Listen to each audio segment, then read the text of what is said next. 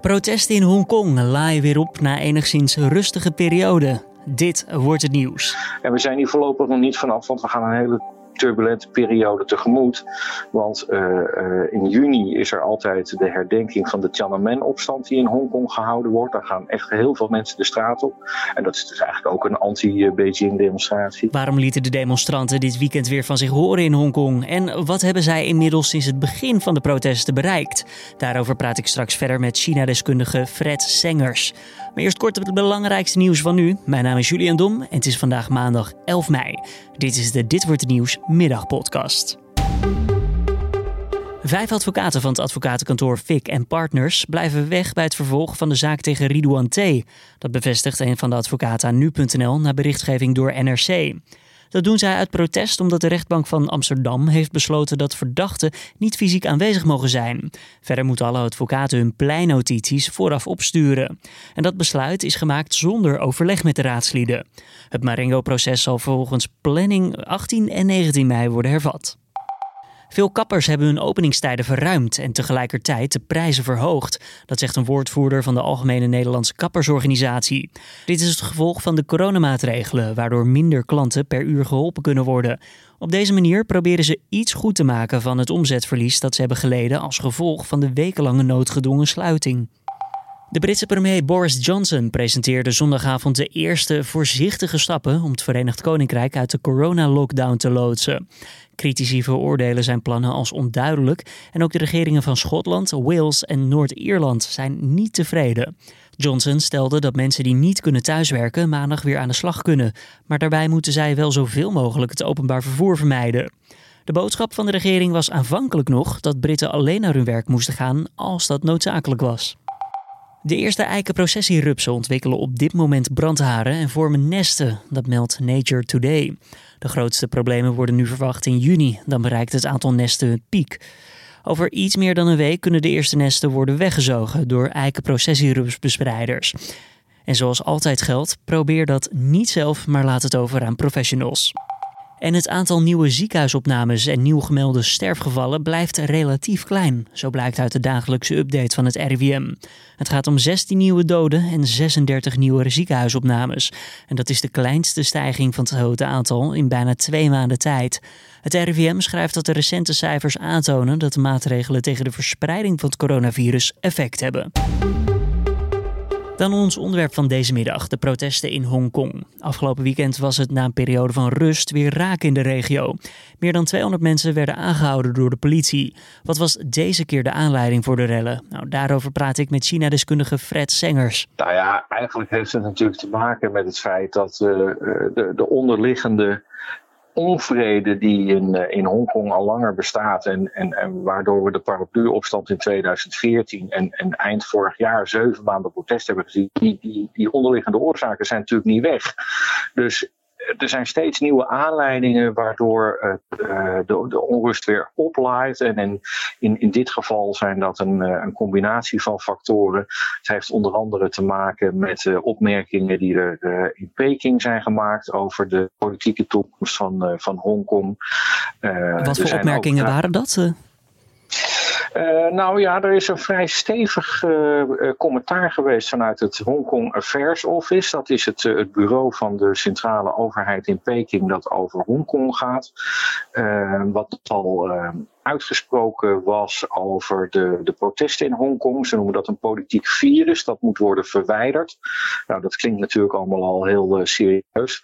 En alsof dat nog niet genoeg was, heeft de, uh, de, de woordvoerder van dat bureau er nog van opgezegd dat uh, Peking niet werkeloos zal toezien dat demonstranten Hongkong ten gronde richten. Dus dat was toch een soort verkapt dreigement dat, dat er ingegrepen gaat worden op de een of andere manier. Dus dat, uh, dat, is slecht gevallen bij de pro-democratiebeweging in Hongkong. Uh, maar wat we ook zien is, uh, er zijn de afgelopen periode arrestaties verricht. Mensen die, die de wet zouden hebben overtreden bij de, de golf van protesten die we zagen voordat de coronacrisis uitbrak. En daarbij zegt u al eigenlijk zouden hebben, oftewel er is wat schemergebied daar. Nou ja, kijk, uh, dat die mensen gedemonstreerd hebben, dat zal, uh, dat zal best. En dat er een aantal demonstraties uh, niet aangemeld waren en dus formeel illegaal waren. Dat is ook zo. Maar ja, je kunt als overheid natuurlijk ook zeggen, joh, dat is allemaal klein bier, uh, uh, laat dat zitten.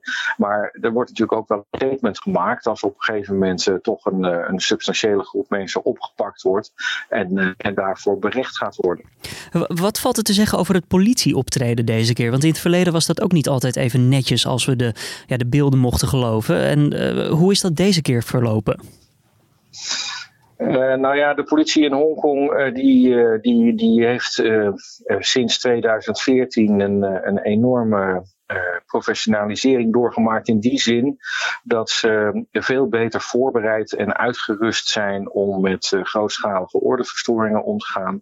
En dat betekent dus ook dat uh, ja, snel um, van het geweldspectrum gebruik gemaakt wordt. Denk dan aan, aan pepperspray en, en traangas. Even los van het feit dat natuurlijk dat agenten ook met, met gummiknuppels zijn uitgerust. Um, dus dat zie je nu eigenlijk ook dat er vrij, vrij snel snel eh, eh, stevig ingegrepen wordt. Daarbij komen ook nog eens de coronamaatregelen kijken. Het komt wat dat betreft de ja, lokale regering daar wel goed uit natuurlijk. Dat mensen in principe niet in groepen bij elkaar mogen komen. Ja, dat klopt. Hè. Dus uh, officieel zijn uh, demonstraties uh, verboden, omdat groepen van meer dan acht mensen tegelijk nu niet toegestaan zijn in verband COVID-19. Um, daarom is het ook een tijdje stil geweest in, in Hongkong, hè, want we kwamen eind vorig jaar, begin van dit jaar, uit een periode met langdurig en intensief protest. Nou, dat is eigenlijk met die virusuitbraak is dat een, een beetje een stille dood gestorven. Maar de periode duurt natuurlijk zo lang. En mensen die denken ook bij zichzelf, ja, we kunnen nog wel eens een jaar, anderhalf jaar met dat soort maatregelen te maken hebben. In de tussentijd wil ik mijn mening uiten. En als er dan iets gebeurt in de stad, dan zie je toch dat mensen de straat weer opgaan. Carrie Lam, dat is de Hongkongse leider. Um, haar populariteit is echt volgens mij inmiddels op een all-time low gekomen. Waarom zit zij er nog steeds? En waarom lijkt zij geen gehoor te geven aan deze demonstranten? Zij zit er nog omdat uh, als zij zou aftreden, zou dat een enorm gezichtsverlies van het stadsbestuur, maar daarmee ook van de centrale regering in Peking uh, zijn. Want daarmee geven ze in feite toe dat zij het allemaal fout heeft gedaan. Zij schijnt ook wel eens haar ontslag aangeboden te hebben. In, in die zin dat, uh, dat als het zou helpen bij, uh, bij, bij de discussie in de stad, dat ze dan haar, haar positie ter beschikking zou stellen. Gaat het verhaal in ieder geval. Nou ja, dat is, dat is niet gebeurd. Ze zitten nog steeds. Um, zij is niet heel populair, dat klopt. Um, maar je moet niet vergeten dat de stad wel heel erg verdeeld is over, over de onderwerpen waar we het nu over hebben. De, er is ongeveer iets meer dan de helft van de bevolking van Hongkong, die is uh, uh, erg tegen deze, de, het huidige stadsbestuur. En die, uh, die wil modernisering van het politieke systeem. Maar er is ook een, een, iets minder dan de helft, maar toch dus ook wel een vrij substantiële groep. Die zegt van het gaat eigenlijk hartstikke goed met de stad. De economie gaat goed. we hebben hier een, een goed leven. Uh, waarom moeten we dat helemaal overhoop halen? Dus de, de stad is zelf tot, eigenlijk tot op het bot verdeeld over de situatie die ze nu in zit. En dan kom ik eigenlijk bij een volgende belangrijke vraag: de rol van de journalistiek. Uh, hoe, hoe verloopt die? Uh, kunnen zij. Ja, op een eerlijke manier hier verslag van doen voor zowel dan die voorstanders en de tegenstanders van de prote prote protesten? Ja, nou, het punt is natuurlijk dat Hongkong formeel persvrijheid kent. Uh, het is ook echt niet zo dat daar uh, uh, helemaal niks kan. De situatie is in die zin niet vergelijkbaar met het Chinese vasteland. Veel meer vrijheid. Maar die vrijheid staat wel onder druk. en dat heeft er onder andere mee te maken dat kranten toch, kranten, nieuwsstations, radio- en televisiestations, internetplatforms, die hebben natuurlijk met adverteerders te maken. En op het moment dat, dat de stad heel erg verdeeld is, dan zie je ook dat er druk op dat soort media ontstaat om, om partijen te kiezen. Uh, en ja, met name in het bedrijfsleven, dat, dat zijn de mensen die in het kamp zitten, dat ze, wat ze dan pro-Beijing noemen, die zeggen het gaat eigenlijk heel goed met onze stad, economisch gezien. Dus die uh, leggen een druk op de media om toch uh, een beetje voorzichtig en, en misschien zelfs in sommige gevallen die pro-democratiekamp heel kritisch te benaderen Oftewel, kan je dan spreken van een, ja, wel een neutrale journalistiek? Die zijn er natuurlijk wel. Hè. Dus er zijn nog steeds media in, uh, in Hongkong en individuele journalisten of columnisten die ongezouten hun mening geven. Maar je merkt wel dat bij een aantal grotere kranten en, en, en radio- en tv-stations dat men ja, ik zou bijna zeggen aan een soort van zelfcensuur doet. Om die, uh, die grote adverteerders niet van zich te vervreemden. Tot slot dan nog eventjes. Deze protesten die zijn gaande sinds nou, maart dat we met deze golf te maken hebben. Althans, maart vorig jaar. Hebben de demonstranten inmiddels iets noemenswaardigs bereikt? Nee, uh, uh, als je een beetje cynisch bent, in tegendeel misschien wel. Doordat ze er zo hard in zijn gegaan, is, uh, uh, is het ook lastig geworden om, uh, om, om tot een dialoog te komen. Maar dan moet ik onmiddellijk bij zeggen dat het, het stadsbestuur daar zelf ook weinig ruimte voor heeft geboden. Er was november vorig jaar zijn er lokale verkiezingen geweest. Um, daar, daar, is een grote overwinning geboekt door het pro-democratiekamp. Dat was natuurlijk een uitgelezen moment geweest om echt een serieuze discussie aan te gaan en via de weg van onderhandelingen een einde te maken aan die onrustige periode in Hongkong. Maar eigenlijk heeft het stadsbestuur daar de deur dicht gegooid. Dus uh, ja, er staat de mensen weinig alternatief ten, uh, uh, hebben weinig alternatieven meer over dan met hun voeten te stemmen, zou ik zeggen, en de straat op te gaan. Um, dus voor, ja, voor de normale Hongkongers die, die vreedzaam willen demonstreren, is dit een hele onbevredigende situatie. Uh, maar er zijn natuurlijk ook mensen die hun, een, toevlucht tot geweld nemen. En ja, dat, dat brengt de oplossing ook niet dichterbij. En we zijn hier voorlopig nog niet vanaf, want we gaan een hele turbulente periode tegemoet. Want uh, uh, in juni is er altijd de herdenking van de Tiananmen-opstand die in Hongkong gehouden wordt. Daar gaan echt heel veel mensen de straat op.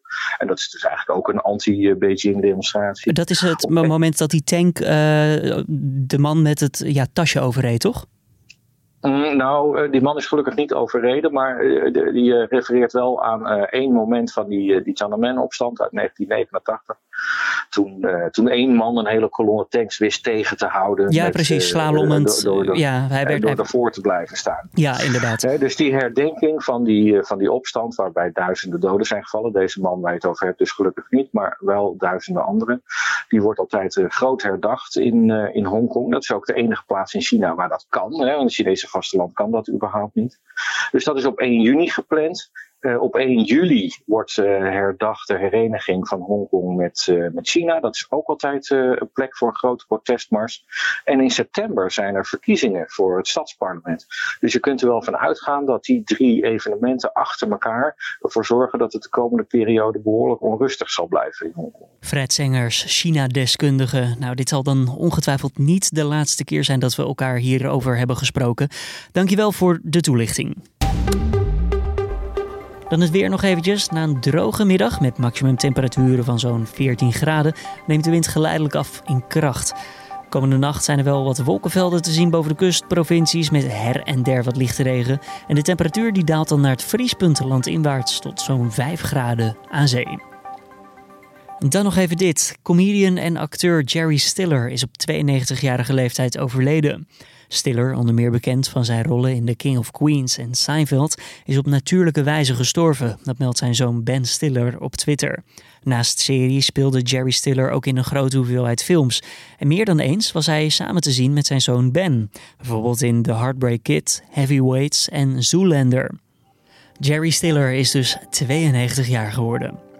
En dit was dan de Dit wordt het nieuws middagpodcast. Tips of feedback zijn altijd welkom. Dat kan je naar ons toesturen via podcastapenstaartje.nu.nl. Heb je verder iets te melden? Dat mag dan ook gewoon die kant op. Dan wens ik je voor nu een fijne middag. Mijn naam is Julian Dom en ik ben er morgenochtend weer. En mijn collega Carne van der Brink, die zit morgenmiddag weer voor je klaar.